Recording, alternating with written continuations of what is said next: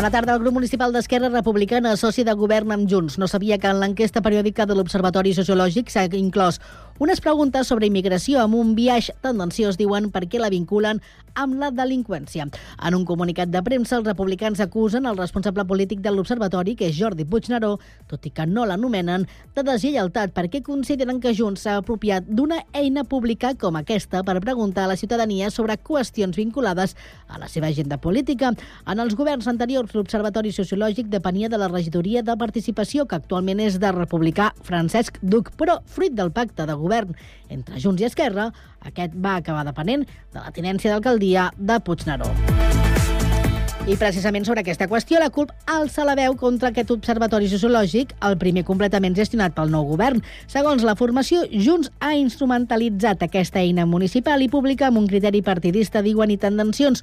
Un canvi que es fa notar especialment en preguntes sobre la immigració, diuen, de les quals indueixen a la xenofòbia, afirmen els copaires, ho diu Marco Simarro, que és portaveu de la CUP. Volem denunciar no, aquesta instrumentalització de l'Observatori per part de Junts, aquesta inducció a plantejaments eh, xenòfobs en aquesta enquesta i, evidentment, doncs, denunciar aquest interès partidista que, que hi ha darrere. Destaquem altres qüestions, com que el govern ha decretat aquest dijous, aquest matí, l'entrada en fase d'emergència al sistema Ter Llobregat, del qual depenen 202 municipis, entre ells Sant Cugat i prop de 6 milions de persones. La mesura arriba després que l'executiu català convoqués de manera urgent la Comissió Interdepartamental de Sequera arran de la baixada de les reserves d'aigua dels pantans que formen l'àmbit. Entre les mesures que entraran en vigor amb la nova fase hi ha la reducció de la dotació màxima d'aigua per evitar dia a 200 litres, tot i que en el cas de Sant Cugat té una dotació extra de 6 litres més, per tant 206 litres per habitant i dia, els que podrà gastar-se a Sant Cugat. També comporta la restricció d'un 80% als usos agrícoles, d'un 25% en els usos industrials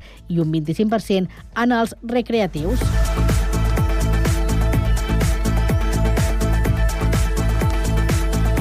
I primer cap de setmana de febrer, on destaquem el partit de fronta, el primer equip femení del rugby Sant Cugat al Camp del Salvador. Serà diumenge a les 12 del migdia, on es juga assegurar la permanència a la Lliga Iberdrola, que és la màxima categoria estatal, i el bitllet pel play-off pel títol. Les sancuatenques, que són quartes, juguen davant les locals terceres en un maig on el Barça estarà pendent perquè també té opcions de classificar-se. Poden consultar tota l'agenda esportiva del cap de setmana a www.cugat.cat.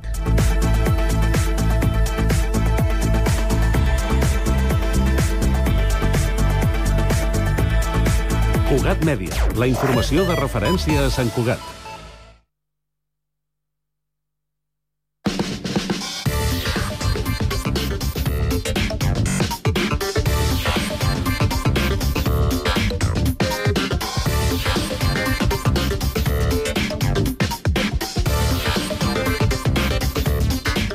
5 de la tarda, 3 minuts, inici de la segona i última hora d'aquest Connectats de divendres.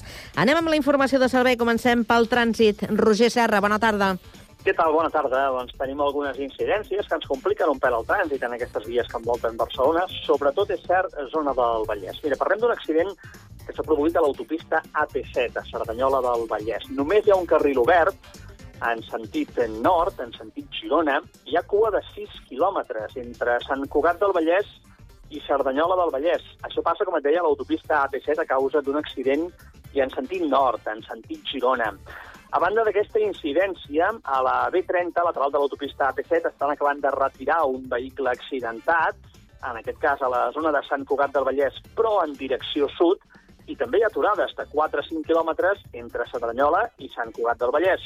Això a la B30, lateral de l'autopista AP7, i en direcció sud. A més a més, a la C58 fa estoneta i teníem un accident al tram de Terrassa. En principi ja està retirat, però encara hi ha aturades d'uns 3 quilòmetres sentit nord, sentit Manresa, en aquest tram de Terrassa C58, autopista del Vallès.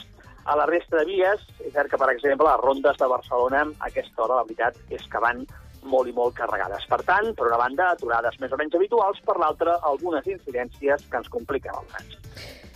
Molt bé, doncs, eh, Roger Serra, moltíssimes gràcies. Bon cap de setmana. Igualment, a reveure. A reveure. Pel que fa al transport públic, anem al Transmet per saber quina situació hi ha a aquesta hora de la tarda. Héctor Molina. Doncs avui divendres seguim parlant de normalitat a la xarxa del transport públic de l'àrea metropolitana, on els principals operadors no han informat de cap incidència, així que tots els serveis funcionen segons els horaris i freqüències de pas planificades. De moment, això és tot des del Transmet. Molt bon cap de setmana.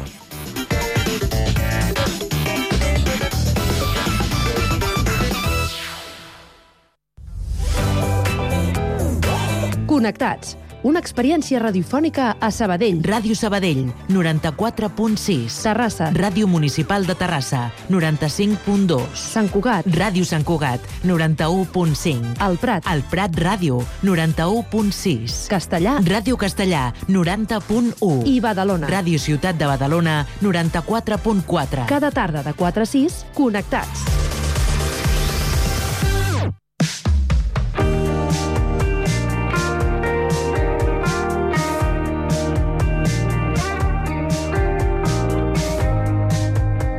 Avui al Connectats coneixerem la història del pretenc Miguel Ángel Duran, Midudeb, a internet. Parlem d'una figura eh, prominent en el món del desenvolupament web i l'educació en programació en l'àmbit de parla hispana. Actualment compta amb més d'un milió de seguidors en diferents xarxes socials. Per saber més, eh, marxem cap als estudis del Prat Ràdio i saludem en Jonathan Marín. Bona tarda. Bona tarda. Per cert, hem de dir que en Miguel Ángel és un vell conegut eh, de la casa perquè fa anys feia un programa radiofònic al Prat Ràdio sobre videojocs. Miguel Ángel, molt bona tarda. Hola, bona tarda, què tal? Eh, Wild Games es deia el programa que feies aquí al Prat Ràdio, no? Sí, sí, ja fa un munt de temps, eh? Encara el recordo amb molt, molt carinyo, però, però sí, fa temps. Com va ser aquella etapa? O sigui, explica'ns una mica en què consistia el programa. Doncs era un programa de videojocs, però era una miqueta diferent perquè no teníem ningun tipus de guió, sinó que era un grup d'amics que parlaven de videojocs que havien jugat al cap de setmana i era una miqueta més, no sé, desenfadat, perquè fèiem eh, cançons, fèiem cançons, villancicos, quan era el desembre, i també teníem molta participació en directe de gent d'arreu del món i teníem gent des de Latinoamèrica que trucava al Prat Ràdio no, per participar i parlar de videojocs. Era una època molt, molt bonica. Clar, quina època parlàvem? L'any 2007, 2006, Sí, ja fa més o menys? 15 anys o, o més, in- inclús, no, no en recordo. Clar, era una època que no és la, la d'ara, que trobes, eh, bueno, parlant de videojocs eh, a internet, un munt de, de canals. Clar, en aquella mm. època, jo fent memòria, eh, recordo que havia doncs, la, la típica revista no?, que parlava de videojocs, Sí. que tenies des- al darrere um, la pàgina de los truquillos no?, per, Sí, per sí. videojocs. Per tant, era una miqueta una cosa pionera. Sí, perquè no hi havia molts podcasts encara, no estava la, la febre dels podcasts, i érem uns dels primers. Eh, el podcast aquest de videojocs, el Wild Games, tenia el programa de ràdio, el podcast, un blog de videojocs, i era un dels més escoltats d'arreu del món, eh, a, a l'Apple Podcast, a totes, a l'Evox, acabava de sortir l'Evox, encara no era una plataforma molt coneguda. Així que sí, era molt pioner i encara no, no havia tants canals a YouTube i el Twitch no existia. Mm -hmm.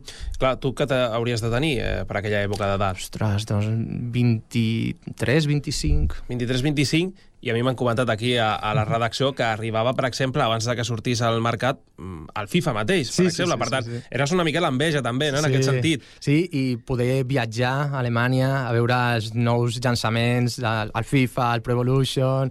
Tots els jocs ens, ens arribaven a casa gratuïtament no?, per parlar d'ells, i la veritat que això era molt bonic perquè érem joves encara, estàvem estudiant, no teníem calés per jugar tot allò que volíem, així que no, era, era, era molt bo poder jugar als llançaments abans de que estu al, al mercat. Eres una mica l'enveja entre Sí. els teus col·legues? Sí, sí, sí, sí, un munt, un munt.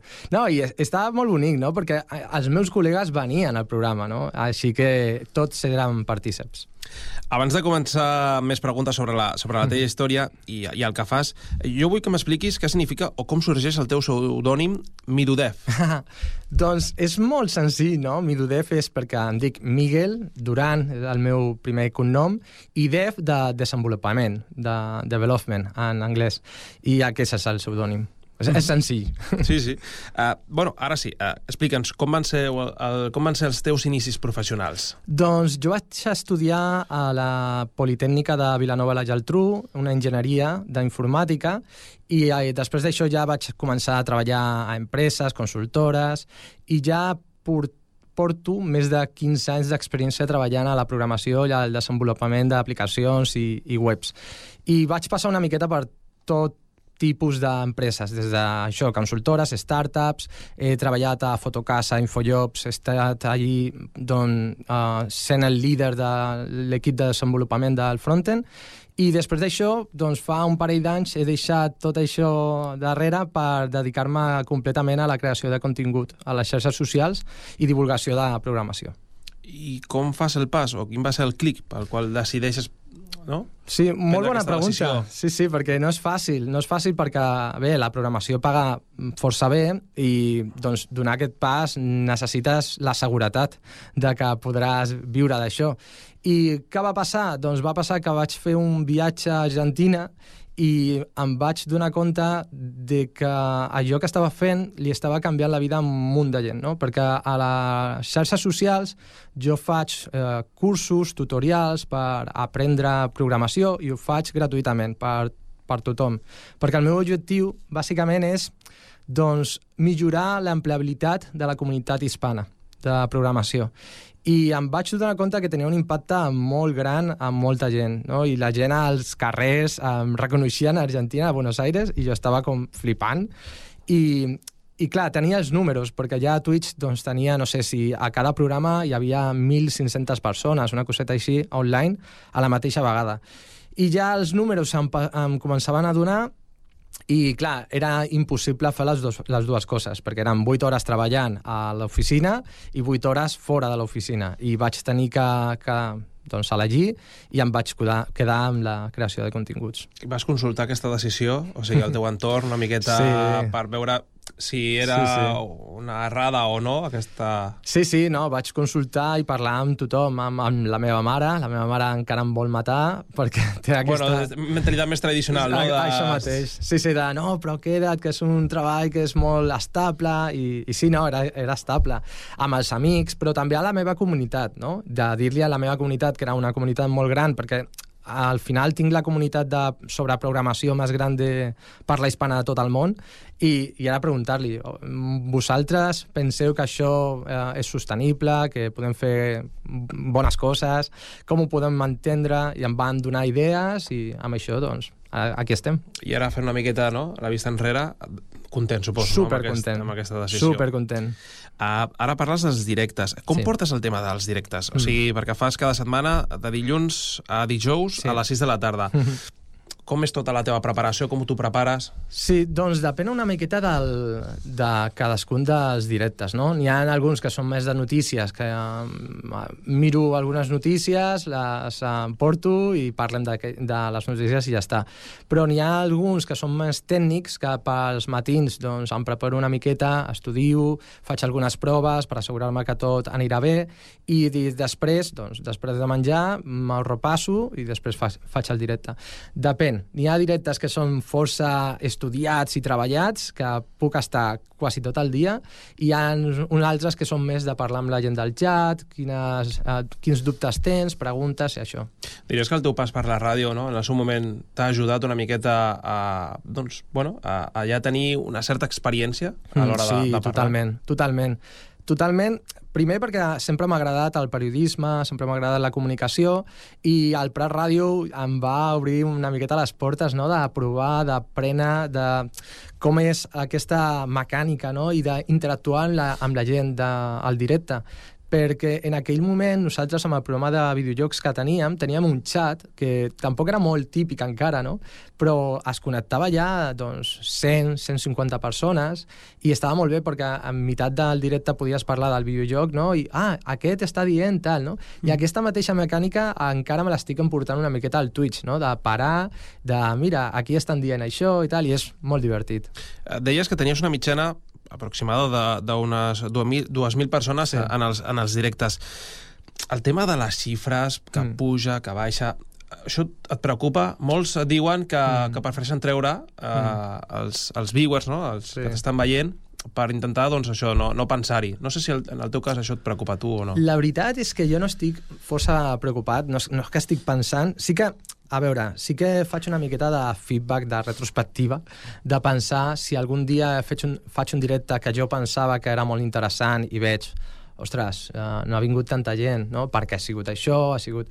Ho penso més així que no de, de posar-me trista o d'enfadar-me o, o coses així. Jo crec que això li passa molt a la gent que és hipercompetitiva i que potser està molt amunt. Que jo estic... Eh, jo estic amunt al meu nicho, no? però no és una cosa que em preocupi força, sinó que sempre estic pensant més en com puc millorar, potser fer més digerible els continguts, eh, tocar alguna cosa que sigui més interessant, però a vegades penso, mira, això potser no és interessant per molta gent, però sí que és molt útil per menys gent que ho agrairan. I això, això ho veig jo. Ets el canal més vist de, del món de parla hispana, ho comentava Sara, en la categoria de desenvolupament de software i jocs. Mm. A més, en qualsevol idioma mundialment ets entre el tercer i, i el quart, depenent del mes. Tot això, eh, no sé si per tu suposa una, una, una pressió o una càrrega de responsabilitat, mm. no? De, de, al final, doncs, està allà dalt.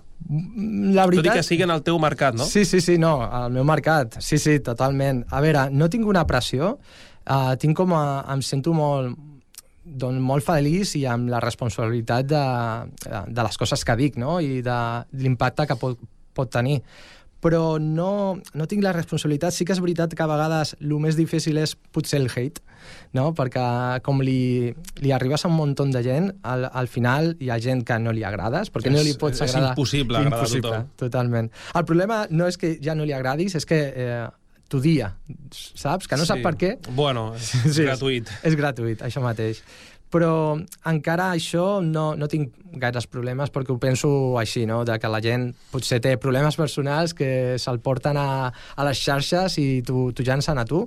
Doncs penso sobre la responsabilitat, que més que responsabilitat tinc l'avantatge la, i la sort de poder ajudar a un munt de gent arreu del món a millorar en programació, aprendre programació i d'alguna manera donar-li la importància que té la programació i el desenvolupament perquè a mi personalment em dona eh, o, o avui ho parlava, no?, fora dels micros, de que és un nicho, que és un nicho. Però a mi em dóna pena perquè és un nicho, però no, no és un nicho com tal, perquè la programació, el desenvolupament d'aplicacions i webs la tenim a tot allò. Sí, eh, totalment qualsevol web. Ara mateix estem aquí gravant i estàs utilitzant software. I el software està arreu en, a les nostres vides. I és una pena perquè no sé, uh, si mirem els medis, per, periòdics i, i això, doncs la notícia de Ibai ha fet, que està molt bé, eh? Ibai té un, un, un projecte molt, molt, molt interessant, però no li posem a vegades això, que és una cosa lectiva, que dona treball, educació, contingut, de qualitat i no li donem la importància que a vegades pot ser interessant donar-li. I qui no alguna vegada ha, ha tingut algun problema a casa, mm -hmm. que sigui informàtic o de qualsevol cosa, i ho ha buscat ajuntut de eh, tal, no? Sí, sí, uh, i ara amb la intel·ligència artificial, doncs, veurem. Això de la intel·ligència artificial, com ho veus tu? Doncs ara mateix n'hi ha molta por, no?, de que... Sí, sí, sí. Jo, jo, jo per exemple, m'ho miro una miqueta amb, cura, eh? perquè ja. és espectacular, però a la vegada em fa això, una mica de por de, de veure sí. fins a on pot arribar. És clar, eh, falta saber uh, fins on arribarà, però ara mateix jo ho veig més com una, un cop, com una persona que t'ajuda, una persona no, però una màquina que t'ajuda a fer el teu treball una miqueta més ràpid, no? però que encara necessita ser el copiloto del treball saps? O sigui, no que ho fa de forma autònoma. I això està molt bé perquè ens ajudarà a, a problemes que són molt habituals, ho farem més ràpid, i aquells reptes que realment necessiten la nostra atenció, doncs li posarem. Estem desbloquejant, jo crec, doncs, nous reptes que no teníem temps per, per donar-li cura, no? Uh -huh.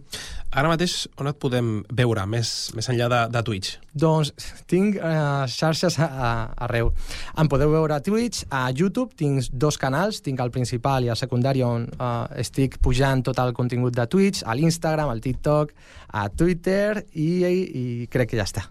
Crec que ja està. I el món de les xarxes socials eh, és molt estressant? O sigui, tu, clar, utilitzes les xarxes socials eh, per tema laboral. Mm. No sé si també a, després també per tema social. No sé si intentes evitar això, sí. ja, ja estic ja massa ficat a les xarxes en tema sí, de, sí. de treball com també després... Això mateix. Eh, sí, sí, tal qual. Eh, molta gent m'ho diu. Ah, però no veus les xarxes socials? I jo dic, no, jo sóc genera generador de xarxes socials. Jo intento no ser consumidor, perquè no tinc temps. Bueno, és que si no, no surts ja. No surto, clar, això mateix. Jo estic generant, eh, publico, i potser sí que veig algun comentari sobre el contingut, però intento doncs, no utilitzar-les perquè no, és eh, massa, massa temps. I de totes aquestes xarxes, um, clar, et guanyes la vida a través Mm. de, de, de la Sí. feina que fas a través d'elles. Um, quina és la més rentable? La més rentable jo diria que avui dia és YouTube. YouTube perquè tu poses un vídeo, no has d'estar allí en directe i li diuen Greenfield, no? perquè és un vídeo que potser l'has fet fa dos anys i encara genera diners. I és acumulatiu, és com l'interès compost perquè tu vas pujant vídeos i vols, si vols o no, però eh, cada mes vas guanyant diners de tots els vídeos que has publicat anteriorment. Així que jo diria que és YouTube. De, de fet, principalment a les xarxes socials, el meu eh, ingrés molt més gros és el de YouTube. Mhm.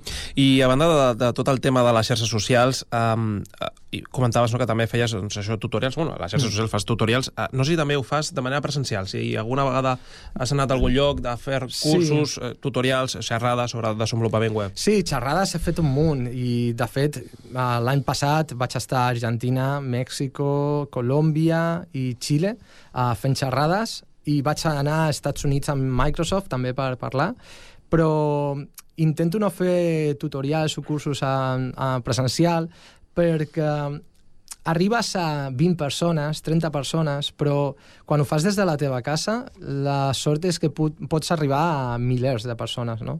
I com no tinc massa temps, intento prioritzar aquest tipus de contingut. Mhm.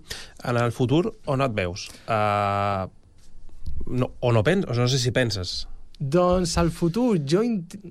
A veure, jo que vull fer, i una cosa que estem fent ja, són com petits productes en directe, no? Per exemple, al, al desembre vam fer un calendari d'advent de reptes de programació, on cada dia tenies un nou repte de programació.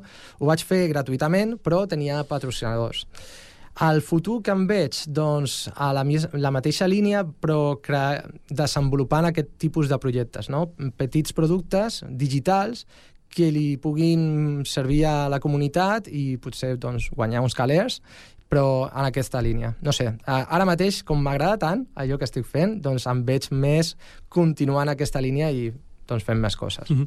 I algun consell per a algun jove eh, doncs, que ens estigui escoltant i es senti atraït per, per aquest món? Doncs, a veure, eh, un consell, paciència, disciplina i constància.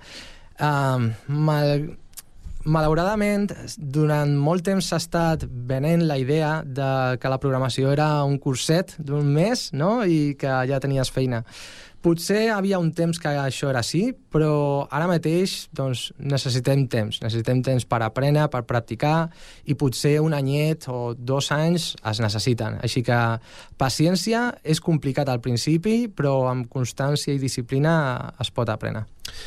Miguel Ángel Duran, moltes gràcies per apropar-te a la que és la teva casa i Moltes també per gràcies. explicar-nos i apropar-nos també la, la teva història. No, moltes gràcies a tu i gràcies per haver-me tingut aquí una miqueta.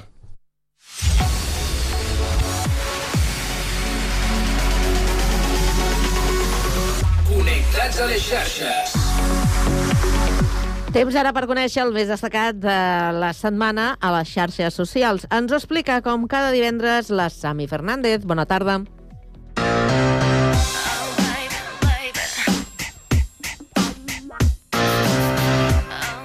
Bona tarda, Carme. Espero que hagueu passat una bona setmana. O no, perquè sembla que tothom està enfadat aquesta setmana. Ha estat plena de baralles entre humans i també animals. Ha estat el teu cas? T'has barallat amb algú, amb la teva parella, amb els teus pares o amb el teu gat? Doncs aquí descobrireu quines altres persones estan en la vostra situació.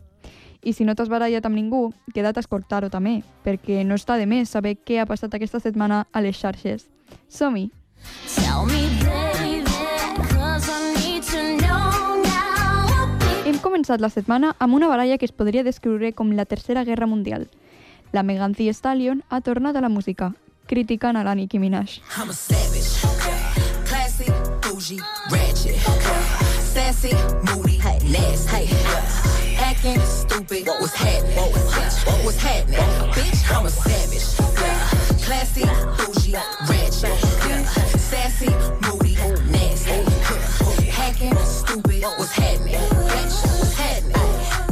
La rapera va començar en la indústria musical l'any 2016, però no va ser fins a la publicació del seu disc Sugar al 2020 i el remix amb la Beyoncé que no va fer un salt internacional. Give me hype. Write my name in ice. Can't argue with these lazy bitches. I just raise my price. I'm a boss. I'm a leader. I pull up in my two seater, and my mama was a savage. Nigga got this shit from Tina. I'm a savage. Yeah. Classy, bougie, ratchet. Un moviment on va remarcar que ella entrava al món del rap per quedar-se. Tanmateix, el món del rap és dur i a l'estiu del 2020 la Megan va penjar una fotografia a Instagram amb la descripció agraïda d'estar viva. Afirmava haver patit lesions greus al peu després d'haver sigut disparada diverses vegades i va acusar en un directe d'Instagram al raper Tori Lanez. It's only four motherfuckers in the car. Me, you, my homegirl, and your security. Everybody in the car arguing. I'm in the front seat. This nigga in the back seat. I get out the car. I'm done arguing. I don't want to argue no more. I get out. I'm walking away. This nigga from out the back seat of the car starts shooting me. You shot me! Des d'aquell moment, l'assumpte va acabar al jutjat i l'Ànez va ser condemnat. La majoria es va posar a favor del raper canadenc, entre ells el Drake, l'Iggy Azalea o la Nicki Minaj. I la Megan, com a resposta, ha publicat la nova cançó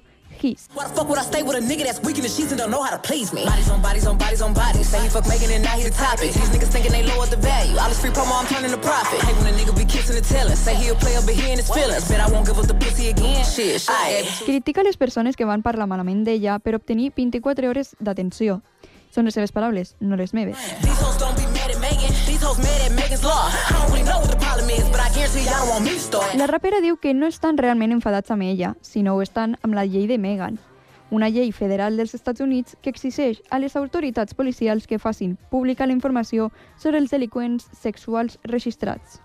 I em preguntareu, què té que veure la Nicki Minaj en tot això? Doncs la seva defensa que fa a capa i espasa del seu marit, que és un agressor sexual registrat. Però la Nicki no s'ha quedat callada i després d'acusar la Megan de ser una mentidera, ha publicat la seva cançó Bigfoot, o Pies Grandes, fent referència al tret que va rebre al peu la Megan per l'Ànez. This little begging whore, talking about Megan's law. For a free beat, you can hit Megan Raw. If you a ghost, write a party in Megan's jaw. Shot Encara que la Nicki defensa que la seva cançó no és sobre ningú, va anunciar la cançó a Twitter amb una fotografia de la Megan. No sé, tu què en penses? She like six foot. I call her Bigfoot. The bitch fell off. I said, get up on your good foot. Uh, still ain't top red booby. Tryna steal a source. I said, get up on my cookbook. But really, I'm a city pie. P-R-T-T-Y, but I'm P-E-T-T-Y. Um, why did you lie about your lipo? Fucking your best friend, man, is crazy. Un altre conflicte musical, però aquest provocat pels usuaris, ha estat entre la Britney Spears i el Justin Timberlake. So if I get jealous, I can't help it. I want every bit of you. I guess I'm selfish. It's bad for my mental, I can't fight it when you're out looking like you do, but you can't hide it. Aquest últim ha publicat un nou single, Selfish, després d'haver estat uns anys sense treure cap projecte. No obstant això, els fans de la Britney van començar a streamejar una cançó seva amb el mateix nom, ficant-la al número 1 de les llistes per sobre de la versió del cantant.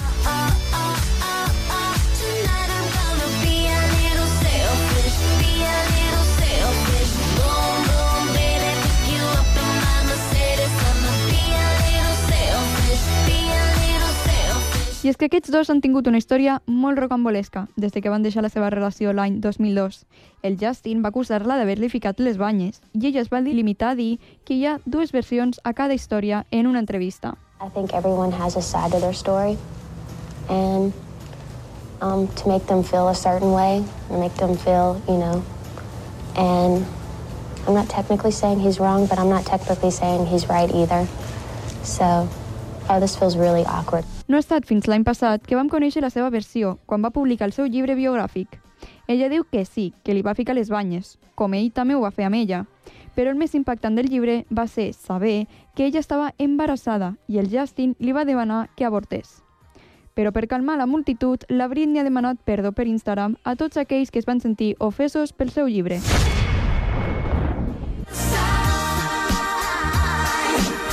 Me, baby, one more time. No han estat només conflictes musicals, també hi ha hagut de polítics. Per exemple, el primer, i potser el més difícil de veure, ha sigut Frank Cuesta sent atacat per un cèrvol mentre estava en un directe a Twitch. Aquest va quedar registrat i hores després Cuesta va publicar un vídeo assegurant que podria haver mort. A ver, chavales, acabo de tener un pequeño problema con perrito. Ah, de repente he cometido un error de salir por una zona donde él no veía salida y se me ha echado encima. La culpa ha sido mía de pensar que él tenía salida y me ha pegado varias cornadas, alguna más profunda que otra. Ah, pero bueno, son cosas de vivir aquí. He calculado mal. Pensé que él tenía salida y no tenía salida. Ya os digo, tengo heridas por todos los lados. He tenido que agarrarle, arrastrarme y estar un rato peleando a ver quién se cansaba antes. Per sort, el Frank es troba bé i ha tornat a la normalitat. Continua penjant continguts a les seves xarxes. L'últim miral ha estat la reacció de les seves lludrigues quan senten el nom de Pedro Sánchez. S'escapen. Mira cómo corren, ¿eh? Si les digo esto, mira. Oye, que viene Pedro Sánchez, que viene Pedro Sánchez. Mira, mira. Que viene Pedro Sánchez. Mira. Un programa que no pot escapar de les crítiques és Eurovisió, que no veta Israel i permetrà que aquest es presenti en el show d'aquest any. La gent a les xarxes està furiosa, sobretot tenint en compte que no es va permetre la participació de Rússia per les atrocitats que estava cometent a Ucraïna. La presentadora del Benidorm Fest, l'Inés Irran, ha condemnat aquesta decisió en una roda de premsa. Eh, yo condeno profundamente los ataques de Israel a la población gazatí, o sea, y eso lo diré públicamente como Inés Hernán y no como RTV, entonces yo no puedo comprometer la posición de la pública, pero yo ahí tengo mi posicionamiento claro, está siendo eh, una masacre, un genocidio y se exi- o sea, yo como persona individual exijo el alto al fuego ya y me he manifestado eh, en este sentido y por supuesto que participe en el festival cuando Rusia fue vetada el año pasado eh, ¿no? Eh, con- en, en similares circunstancias, pues hombre, pues mm, deja entrever otras cuestiones que tienen mucho que ver con el capital. Assegura que és una opinió individual, no de Ràdio Televisió Espanyola, però que, no obstant això, continuarà el seu treball relacionat amb Eurovisió. No tot ha estat notícies dolentes aquesta setmana, també n'hi ha de bones, i de sobretot musicals. En relació amb el Benidorm Fest, el dimarts i el dijous es van celebrar la primera i segona semifinal, respectivament. El dissabte es celebrarà la final, però ja podem veure que a les xarxes estan cercant un número i un espectacle similar al que va fer la Chanel al 2022 amb Slow Mo. Siempre estoy ready para romper caderas, romper corazones. Solo existe una, no hay imitaciones. Y si me cree, pues me toca mostrárselo. Una altra persona que va deixar les expectacions molt altes al 2022 va ser la Batial, que va prometre el seu primer àlbum. No ha estat fins aquest mes que l'ha publicat, La Joia. Cada vez que entro al club ponen algo mío y suena tan duro. Te quedas en la esquina escondido porque has perdido este culo. Ya ni me puede escuchar. Cuando yo sueno se va. Y es que yo le noto arrepentido porque sabe que ya perdió este culo. Compta amb col·laboracions com amb Morat, Mike Towers, Anita i el seu èxit Chulo amb la Toquisha i Young Miko. Tiene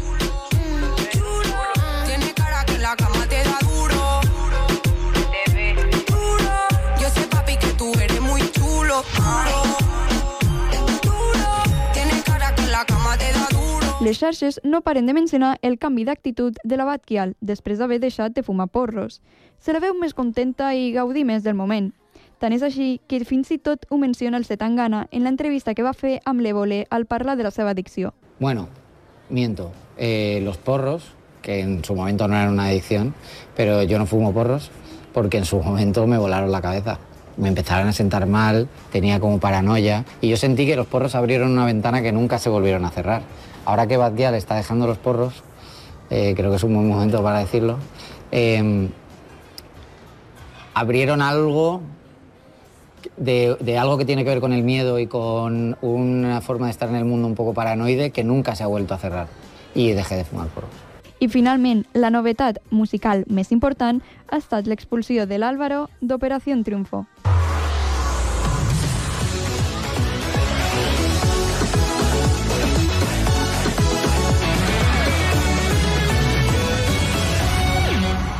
En les xarxes, els alvaromallistes han sofrit el seu comiat, assegurant que el 24 hores no serà el mateix sense ell. El Pol, per la seva part, va rebre una salutació del Bizarrap, donant-li el suport en la seva carrera musical. ¿Qué onda ahí la gente de Operación Triunfo? Acá Bizarrap, les que mando un saludo de Argentina. Estoy acá trabajando y sé que me invitaron, pero no pude ir porque estoy trabajando mucho acá en Argentina y nada, les quería mandar un saludo ahí a todos los participantes, a todo el público y especialmente a Paul, que sé que está haciendo la canción de Milo. Espero que te vaya muy bien, amigo. Vi los ensayos que estuviste haciendo y te va a ir muy bien. No obstant això, la Kiara i el Lucas han estat nominats. El Lucas sembla ser el preferit de les xarxes i els fans de la Kiara no estan contents. Una usuària va decidir penjar un TikTok demanant que votessin a la Kiara. Pero por favor, tiene que quedarse Kiara. O sea, literalmente el argumento que le han dado para que se vaya es, lo has hecho increíble, pero hay que nominar, estás nominada. Por favor, os lo pido. Es mi favorita y sabéis que voy dentro de dos galas, si la echan a la siguiente ya no la voy a ver. Por favor, por favor, salvar Kiara. Però què és el que ha enamorat tant de la Kiara i porta aquestes reaccions? Aquí als Connectats volem conèixer les raons que tenen els fans per votar-la i defensar-la a les xarxes. La Xènia Morreres, una oient a Terrassa, ens explica les seves. Jo estic votant a Kiara perquè és una figura de representació molt important, al igual que la Bea, ja que sempre estan parlant, tractant el fet de ser lesbianes de forma molt natural, i això no ho hem vist mai, i menys amb un programa com tan, tan gran, amb tanta audiència com és Operació Triunfo. També estic votant a la Kiara perquè és una gran artista, sempre està composant, creant música, creant lletres, m'encanta com s'expressa, m'encanta com plasma els sentiments a lletres de cançons, al igual que el Lucas també l'estic votant perquè està donant molta visibilitat i està parlant molt sobre el TDAH, estan parlant molt sobre el TDAH, de com és viure, com et pot afectar el TDAH, però a la vegada com no, això no t'impedeix aconseguir els teus objectius, cosa que també és molt important. I al igual que el Lucas, que també és un gran artista i té una veu preciosa, però estic votant a la Kiara perquè crec que és un artista que és un tipus d'artista que no he vist mai i m'encanta, és, una persona, és una molt bona companya, és una molt bona persona. I fins aquí el Connectats a les xarxes de la setmana. No oblideu votar el vostre preferit d'Operació Triunfo. Ens escoltem a la següent.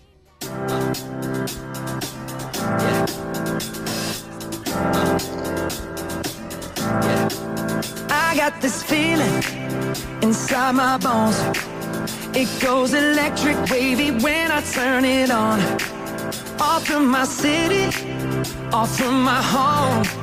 We're flying up no ceiling when we in our zone. I got that sunshine in my pocket, got that good soul in my feet. I feel that hot blood in my body.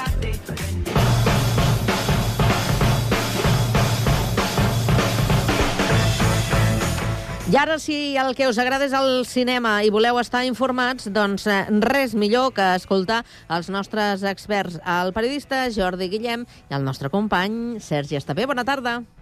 Bona tarda. En breu, bé, menys de mig minut, comença la secció de cinema, com sempre, amb el Jordi Guillem, periodista i cinèfil de capçalera d'aquesta d'aquest programa. Jordi, bona tarda. Bona tarda, com estem?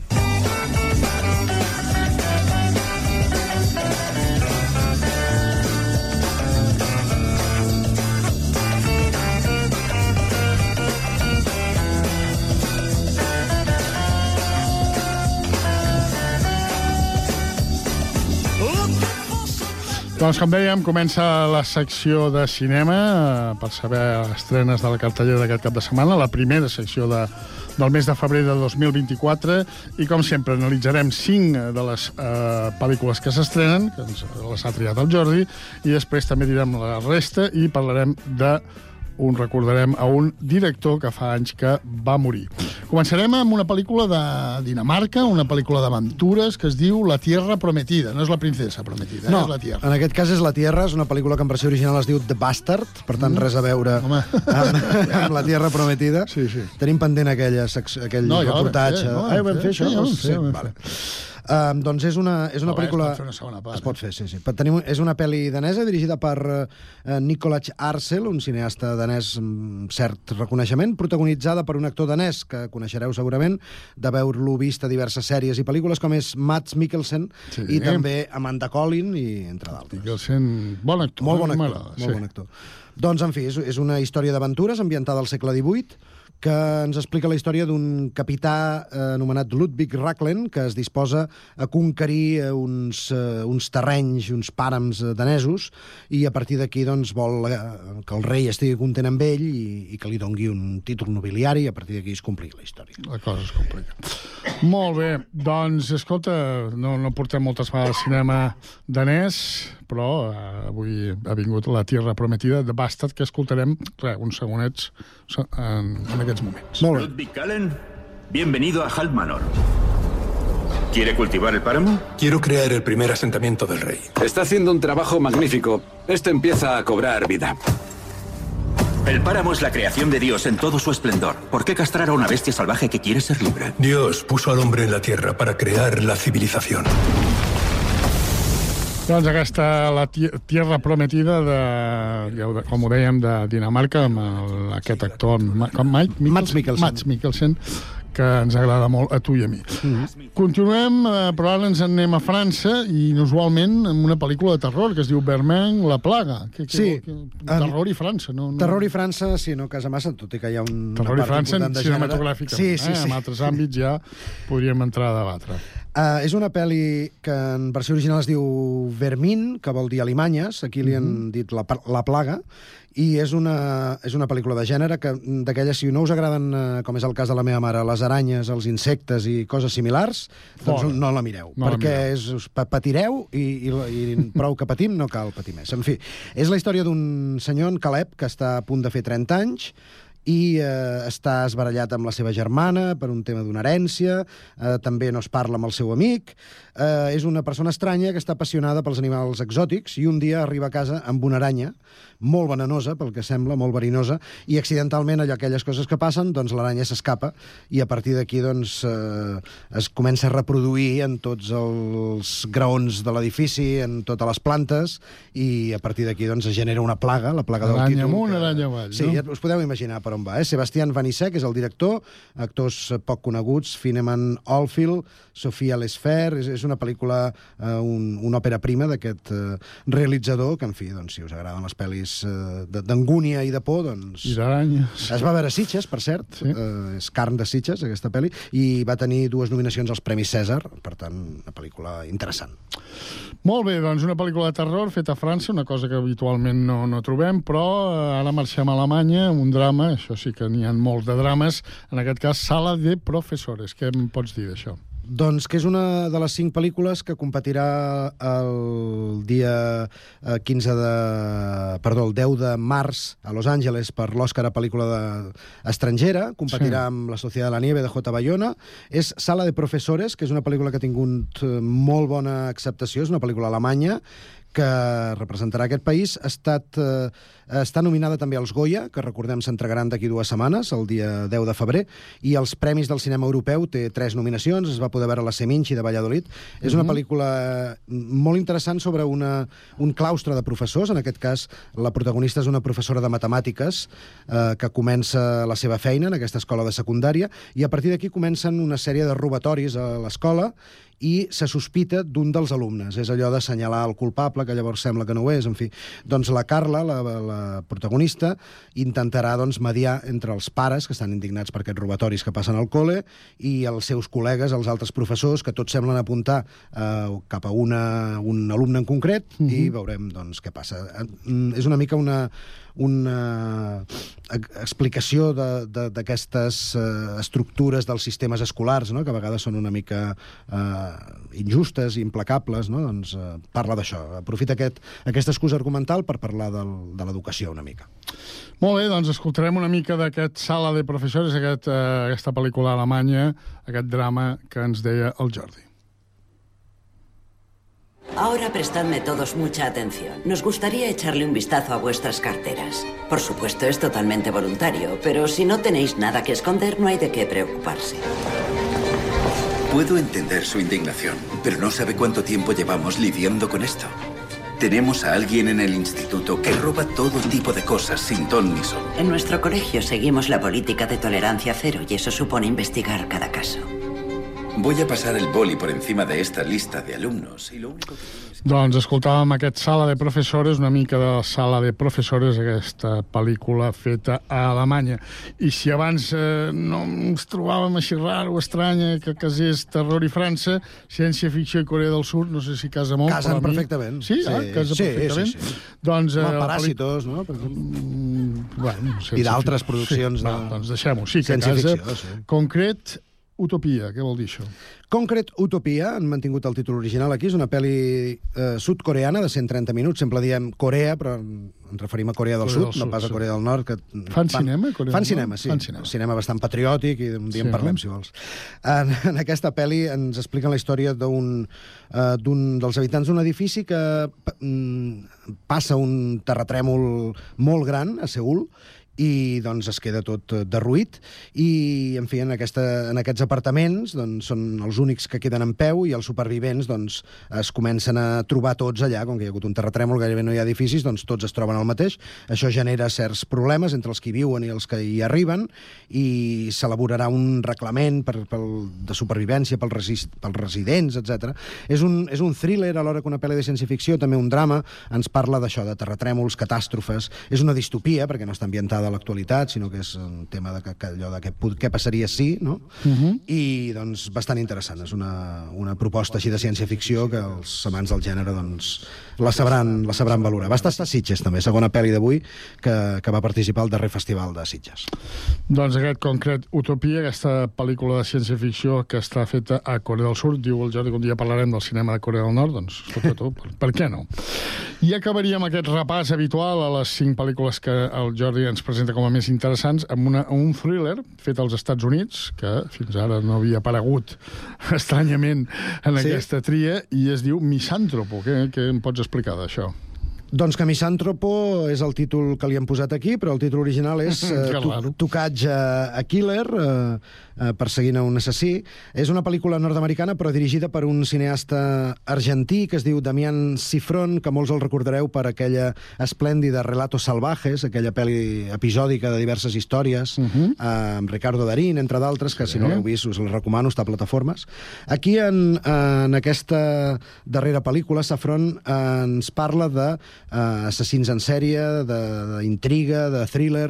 És la història d'un atac eh, que es va produir a Baltimore la nit d'any nou, on hi va haver 29 morts i ni una sola pista. La, el, el protagonista de la pel·lícula, diguéssim, la Shailene Woodley, eh, és, una, és una investigadora, policia, que la recluten com a agent especial de l'FBI per intentar saber què va passar amb aquests 29 morts, qui és el culpable, eh, aquesta persona que va entrar i va, va matar a tort i a dret i es va escapar, doncs és una investigació policíaca, no és, la, diguéssim, no és la típica pel·li de policies eh, i d'assassinats, sinó que té una miqueta més, és una pel·li eh, més ben valorada, que ha passat per, per alguns festivals i, i ara ens arriba a les sales i, en fi, veurem.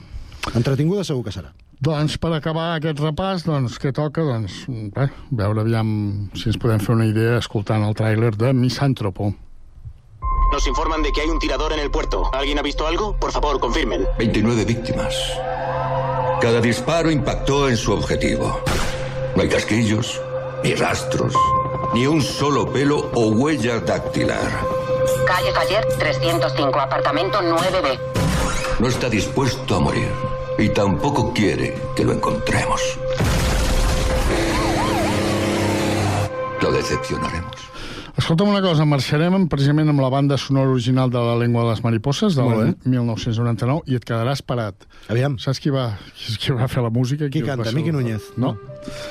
Alejandro Menábar. Ah, home, ell fa les músiques de moltes de les seves pel·lis, crec que fins ara. Composa, etc. Doncs, eh, si no ho sabíeu, Alejandro Menábar també eh, Mhm. composa música i en aquest cas va composar la música de La Lengua de les Mariposas, amb la qual marxem. Jordi, fins la setmana vinent. Fins la setmana vinent, que sigueu feliços. I Bon gaudiu, cinema. gaudiu del cinema.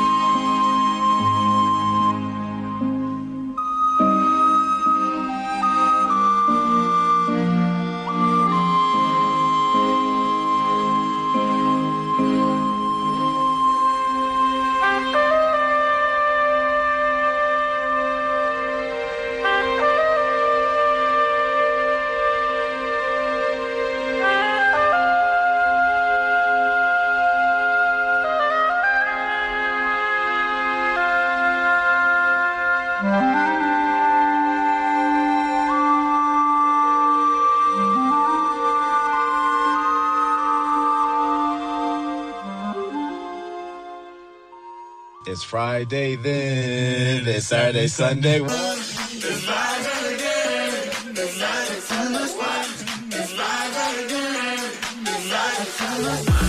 Efectivament, avui és divendres i, per no perdre el bon costum, repassem l'agenda del Connectats i comencem per Terrassa. Sergi Estapé, bona tarda de nou. Bona tarda Terrassa. Aquesta nit, a partir de les 10 i a la Nova Gescava, actuació de Moon Rivers i Celeste Alias. Dissabte a les 8 del vespre i a la Factoria Cultural dansa amb la companyia basca Dansàs. I a les 9 de la nit, tributs de Luz Casal i a Joaquín Sabina a càrrec de The Rulets i Pacto entre Caballeros a Vallvallès. Gràcies, Sergi. El torn ara per a les propostes de Sabadell. Pau Duran. Avui a les 9 de la nit puja a l'escenari de la Cava Urpí el pianista Lluís Coloma, i tot i que actua un parell o tres de vegades en aquest espai, ara ve amb tota la tropa. No és una mena de dir, eh? El concert es diu Lluís Coloma and His String Troupe. Renovar i reinventar les seves formacions habituals és el que vol per aconseguir més textures i colors, per executar blues, jazz i boogie-boogie. Lluny de considerar-la una música del passat i després de dues dècades de voltar pel món, ara Coloma planteja una nova formació per tocar aquests ritmes. Gràcies, Pau. Què destaca en l'agenda de Badalona? Andrea Romera, bona tarda de nou. Bona tarda de nou, Carme. Doncs dissabte a les 12 del migdia al Centre Cívic del Carme hi ha una xerrada de presentació de la denominació d'origen a l'Ella i què implica per a la ciutat ser-hi i formar-ne part. A banda de la xerrada hi haurà un tas de vins de Badalona amb vins de Can Coll, la Vall de Betlem i els vins de la memòria. Més tard, a les 6 de la tarda, se celebra el 24 aniversari de la fundació de l'Associació Cultural Extremenya Zurbaran, al Centre Cívic La Salut.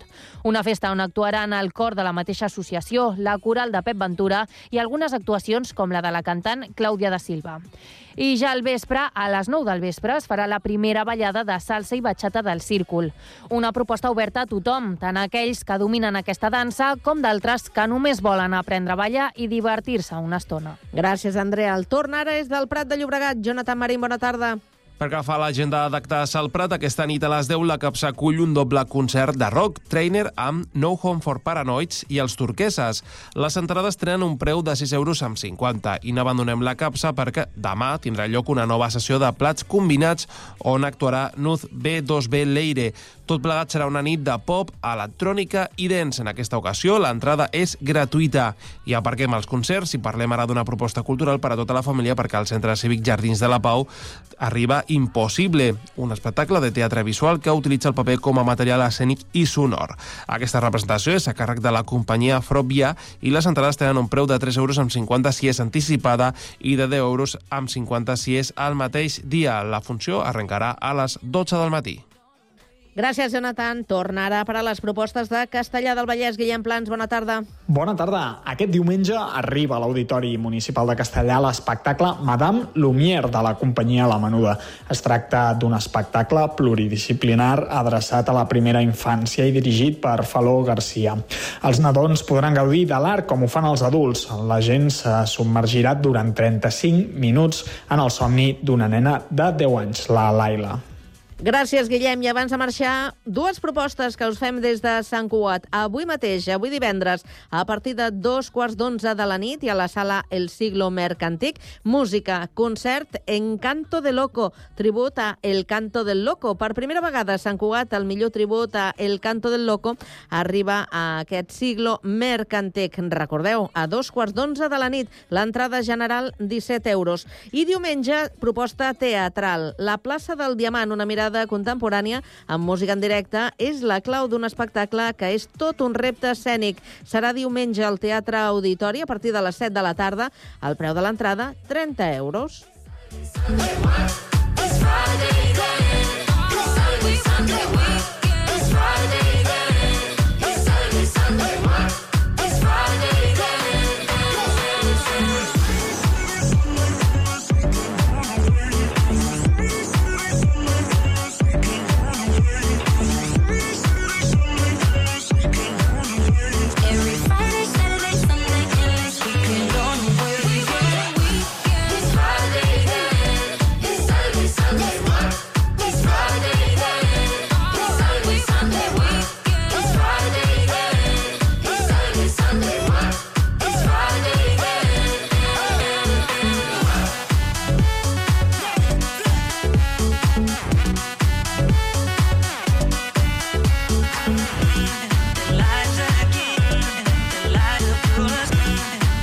Fins aquí ha arribat aquesta edició de divendres del Connectats. Tanquem una nova setmana. Us hem fet eh, propostes, us hem eh, aconsellat eh, quines pel·lícules podeu trobar a la cartellera com a novetat i hem repassat el més destacat eh, de les xarxes, a més a més de tractar altres temes de l'actualitat al llarg del programa d'avui. És tot. Ens acomiadem fins dilluns, que tornarem a ser amb vosaltres a partir de les 4 i 3 minuts. Fins aleshores, acabeu de passar un molt bon cap de setmana. Adéu-siau.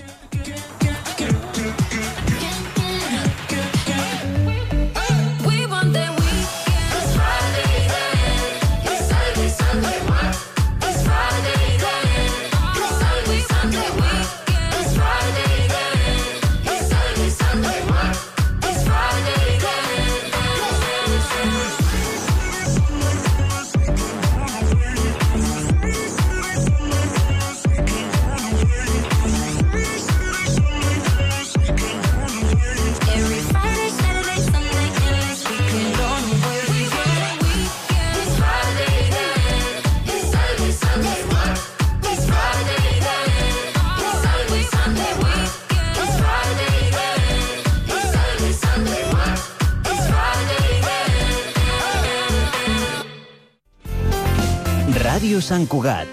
Cugat Mèdia. La música més propera a tu a Ràdio Sant Cugat.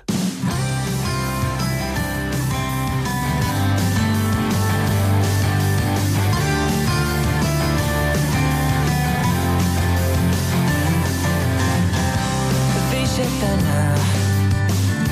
Oblida les coses que t'han fet plorar. No pensis més en què vindrà demà. Fes un pas més.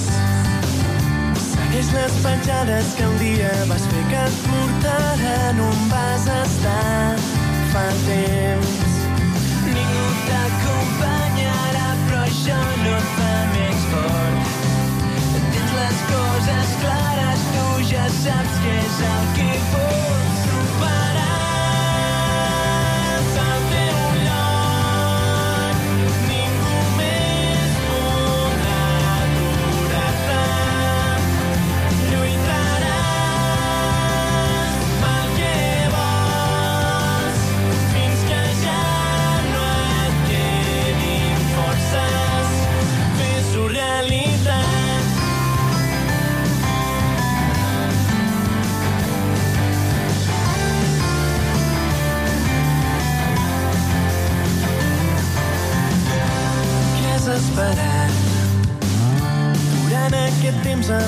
braços creuats veient com tot el que tu vols se'n va. Pensa un moment, recorda el que sempre havia somiat. Ja ho has trobat o ho has deixat marxar. Tu t'acompanyarà, però això no fa menys fort. Tens les coses clares, tu ja saps què és el que vols.